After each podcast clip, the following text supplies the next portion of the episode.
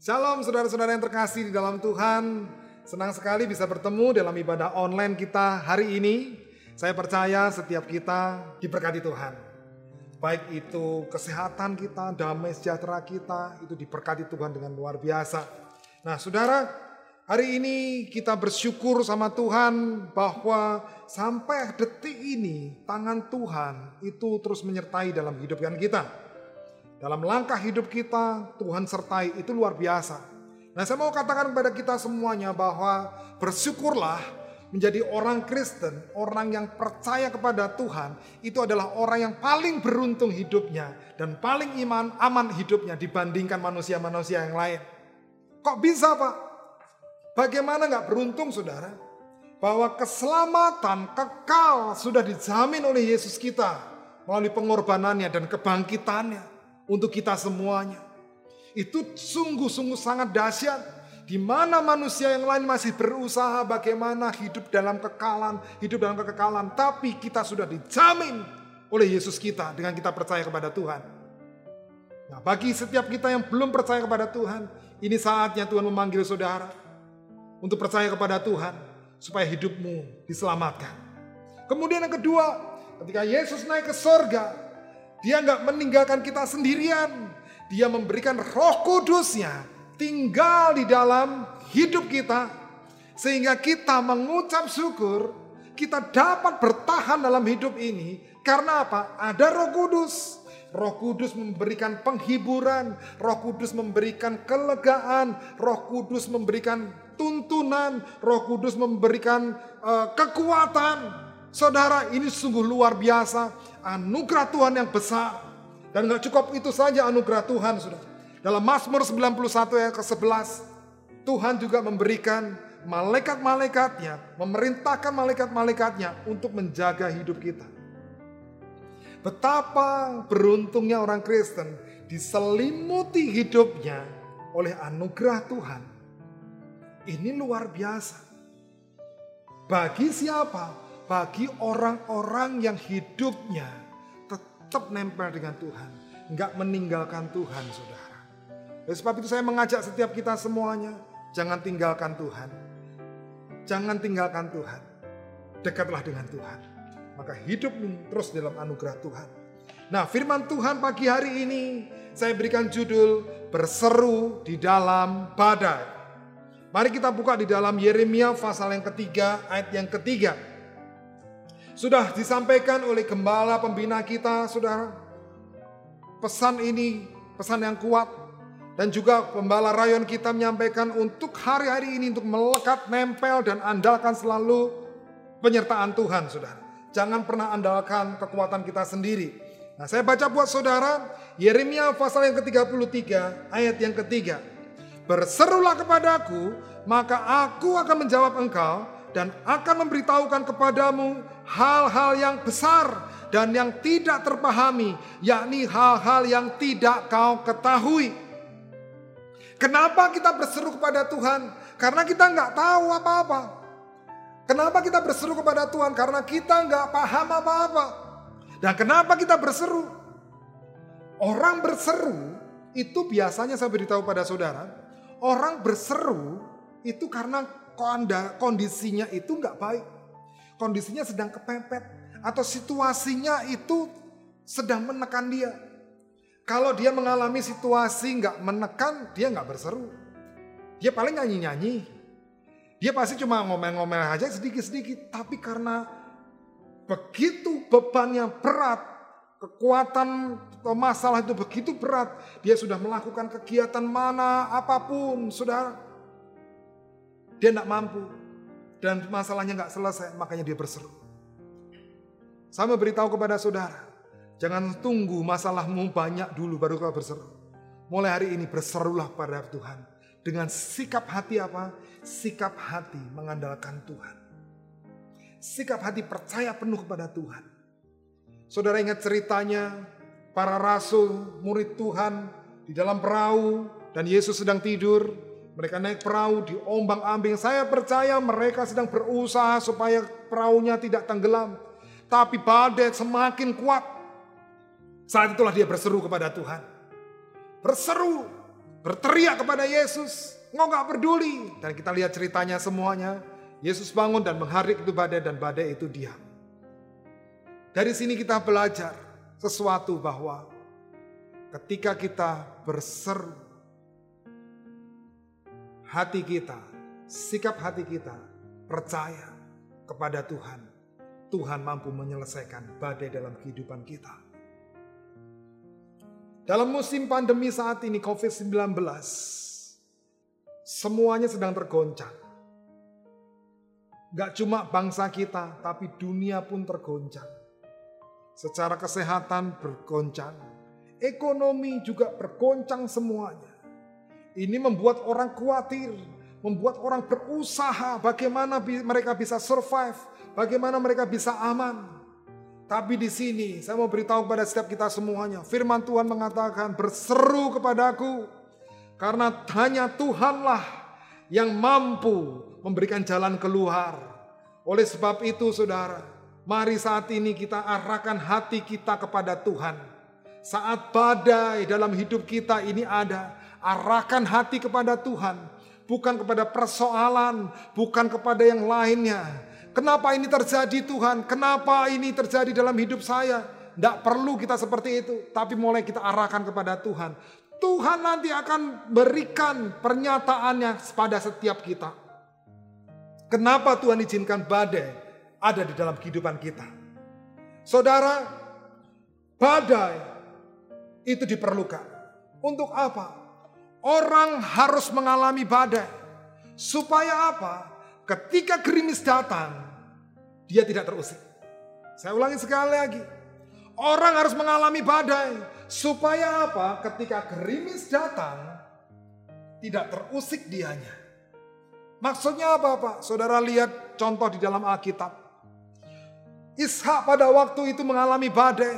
Badai kelaparan. Ada wabah, wabah kelaparan saat itu. Semua orang ketakutan, semua orang menyimpan hartanya, menyimpan semua-semuanya. Dan begitu menghematnya. Tapi saya percaya Ishak berdoa. Dan tertulis dalam Alkitab, Ishak berdoa. Berseru kepada Tuhan. Dan saat itu Tuhan menjawab Ishak. Menaburlah Ishak. Maka menaburlah Ishak. Dan kemudian dia menuai, menuai, menuai. Dan semakin banyak dan semakin banyak. Badai dialami oleh Ishak. Siapa lagi mengalami badai? Daud. Daud mengalami badai pada waktu dia memelihara dua tiga ekor kambing dombanya. Badainya apa? Binatang buas. Serigala dia hadapin untuk melindungi kambing dua tiga ekor kambing domba, dia melawan itu binatang buas sudah. Beruang dia hadapin, singa pun dia hadapin. Dan dia kokoh berdiri saat badai itu datang. Sehingga ketika gerimis Goliat itu masuk dalam hidupnya, tidak mengusik imannya Daud. Goliat dengan mudahnya dihabiskan sudah. Dengan batu kerikil saudara. Maka Goliat bisa bisa terhempas. Di sini kita belajar tentang satu hal, maka badai diperlukan supaya ketika gerimis datang, kita tidak mengusik dalam kehidupan kita. Nah, hari ini kita belajar tentang satu hal, bahwa kenapa Tuhan izinkan badai itu terjadi. Yang pertama, kita buka di dalam Amsal pasal yang ke-22.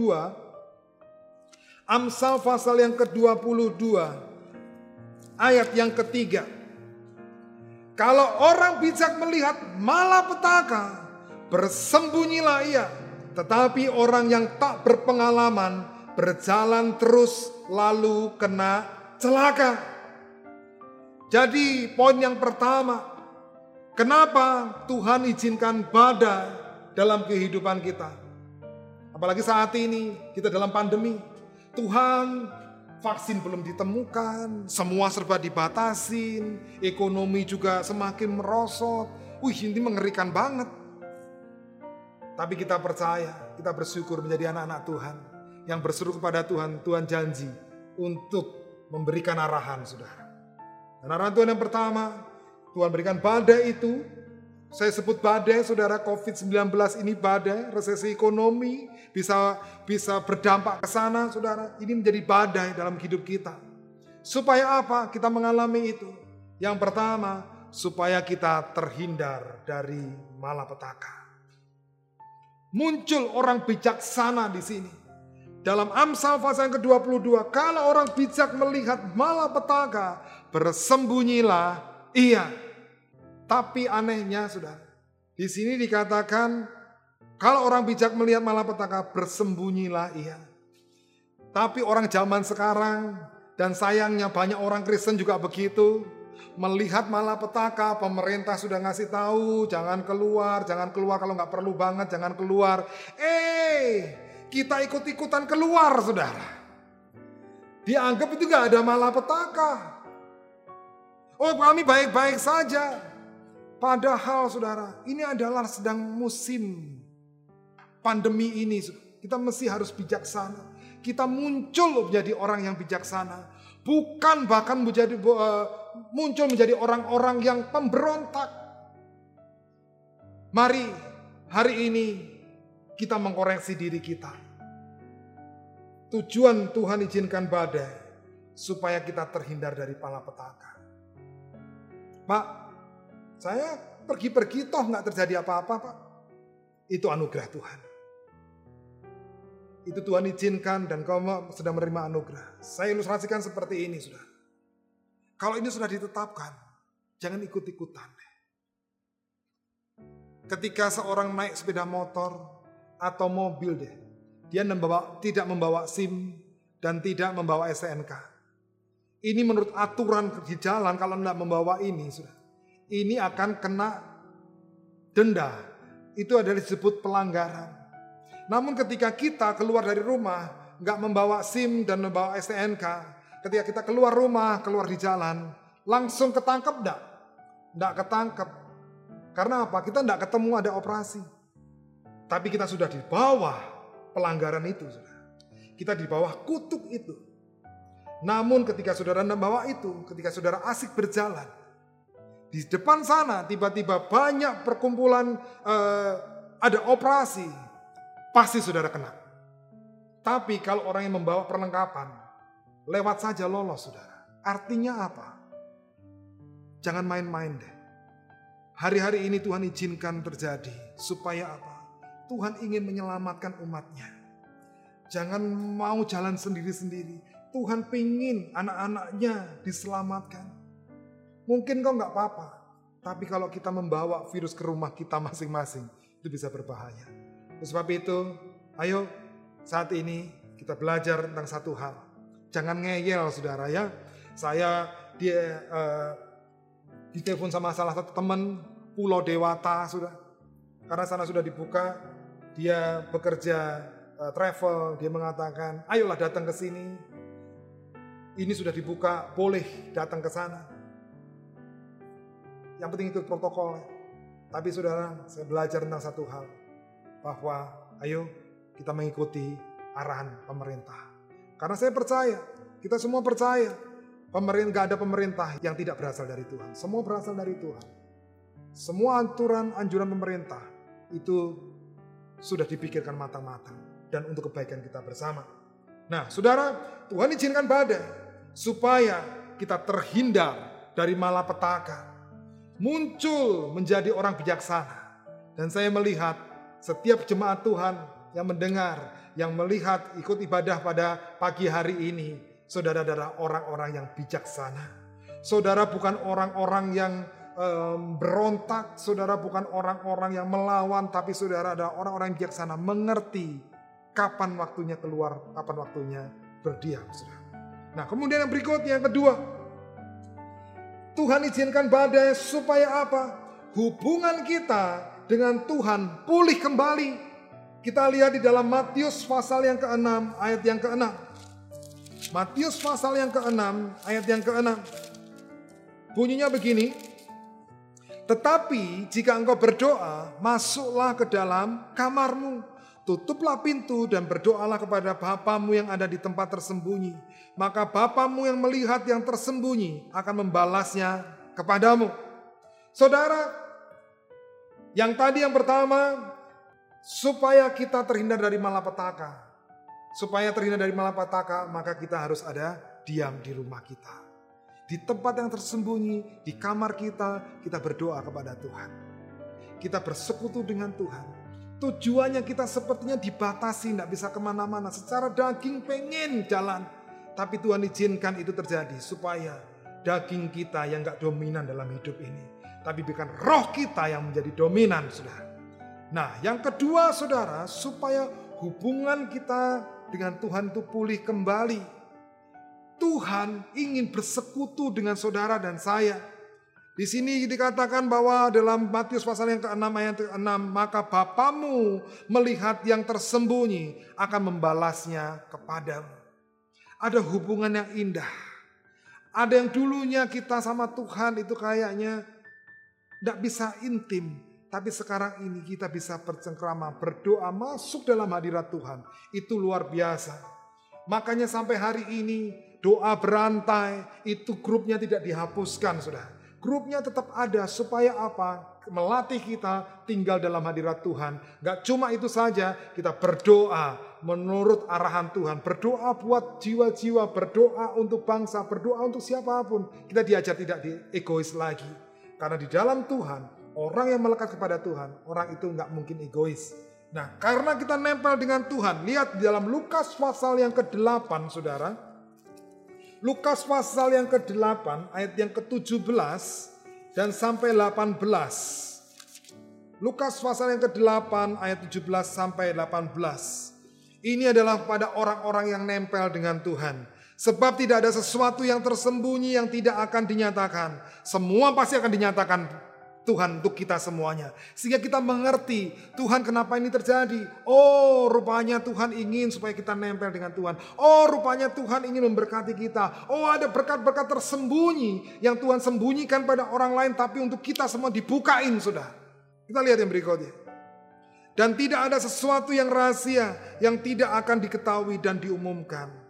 Ayat 15 perhatikan, karena itu perhatikanlah cara kamu mendengar karena siapa yang mempunyai kepadanya akan diberi, tetapi siapa yang tidak mempunyai daripadanya akan diambil juga apa yang ia anggap ada padanya. Bersekutu dengan Tuhan, masuk dalam hadirat Tuhan, dengar suara Tuhan, mendengar dengan baik saudara. Maka kita akan melihat tuntunan Tuhan atas hidup kita. Jadi apa yang mesti kita lakukan saat ini ketika badai, pandemi COVID-19 ini terjadi. Yang pertama pakai waktu-waktu kita intim dengan Tuhan. Dalam hadirat Tuhan.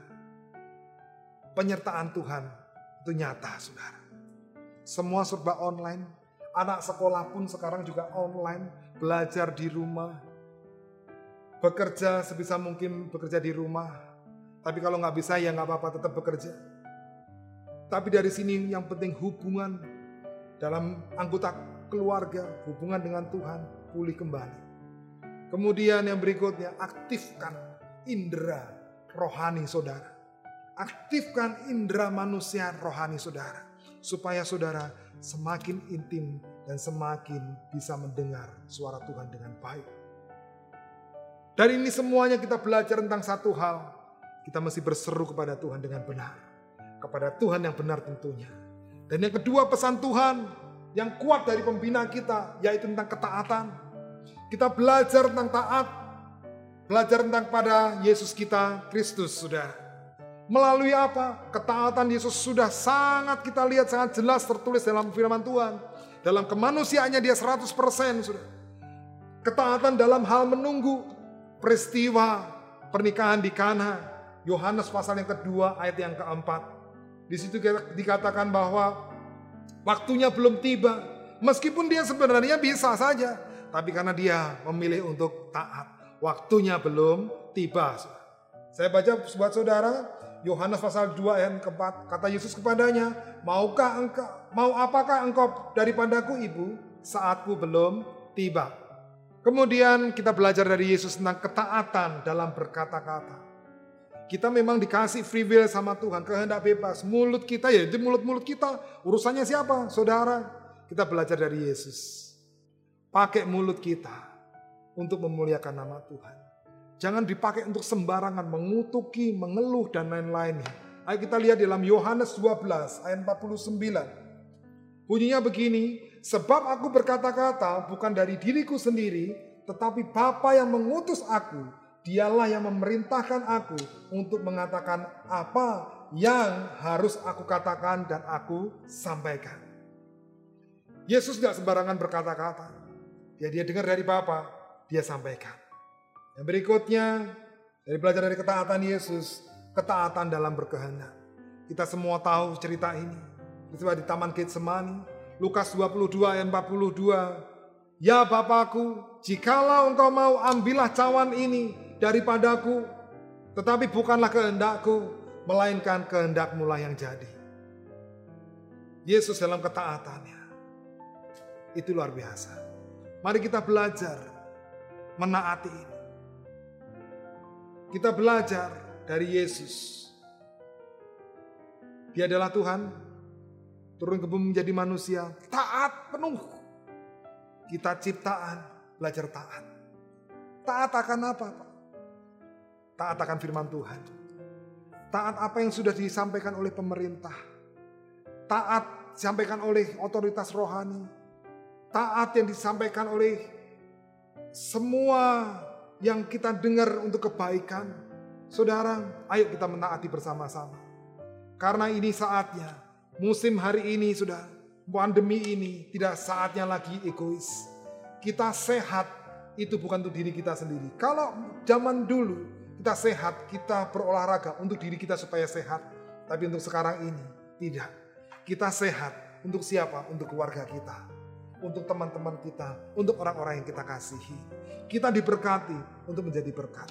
Kita diselamatkan untuk menyelamatkan. Dan kita percaya Pentakosta ketiga sudah terjadi.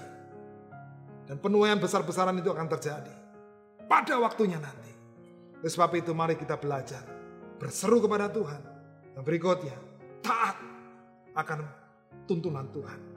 Saya akan berdoa kepada saudara supaya kita dapat dengan baik mengikuti arahan Tuhan, dapat dengan baik mengikuti aturan yang Tuhan berikan supaya hidup kita senantiasa diberkati Tuhan.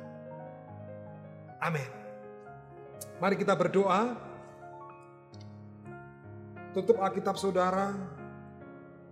Dan mari kita tutup ibadah kita pada pagi hari ini. Bapak terima kasih untuk penyertaan-Mu pada kami semuanya Tuhan.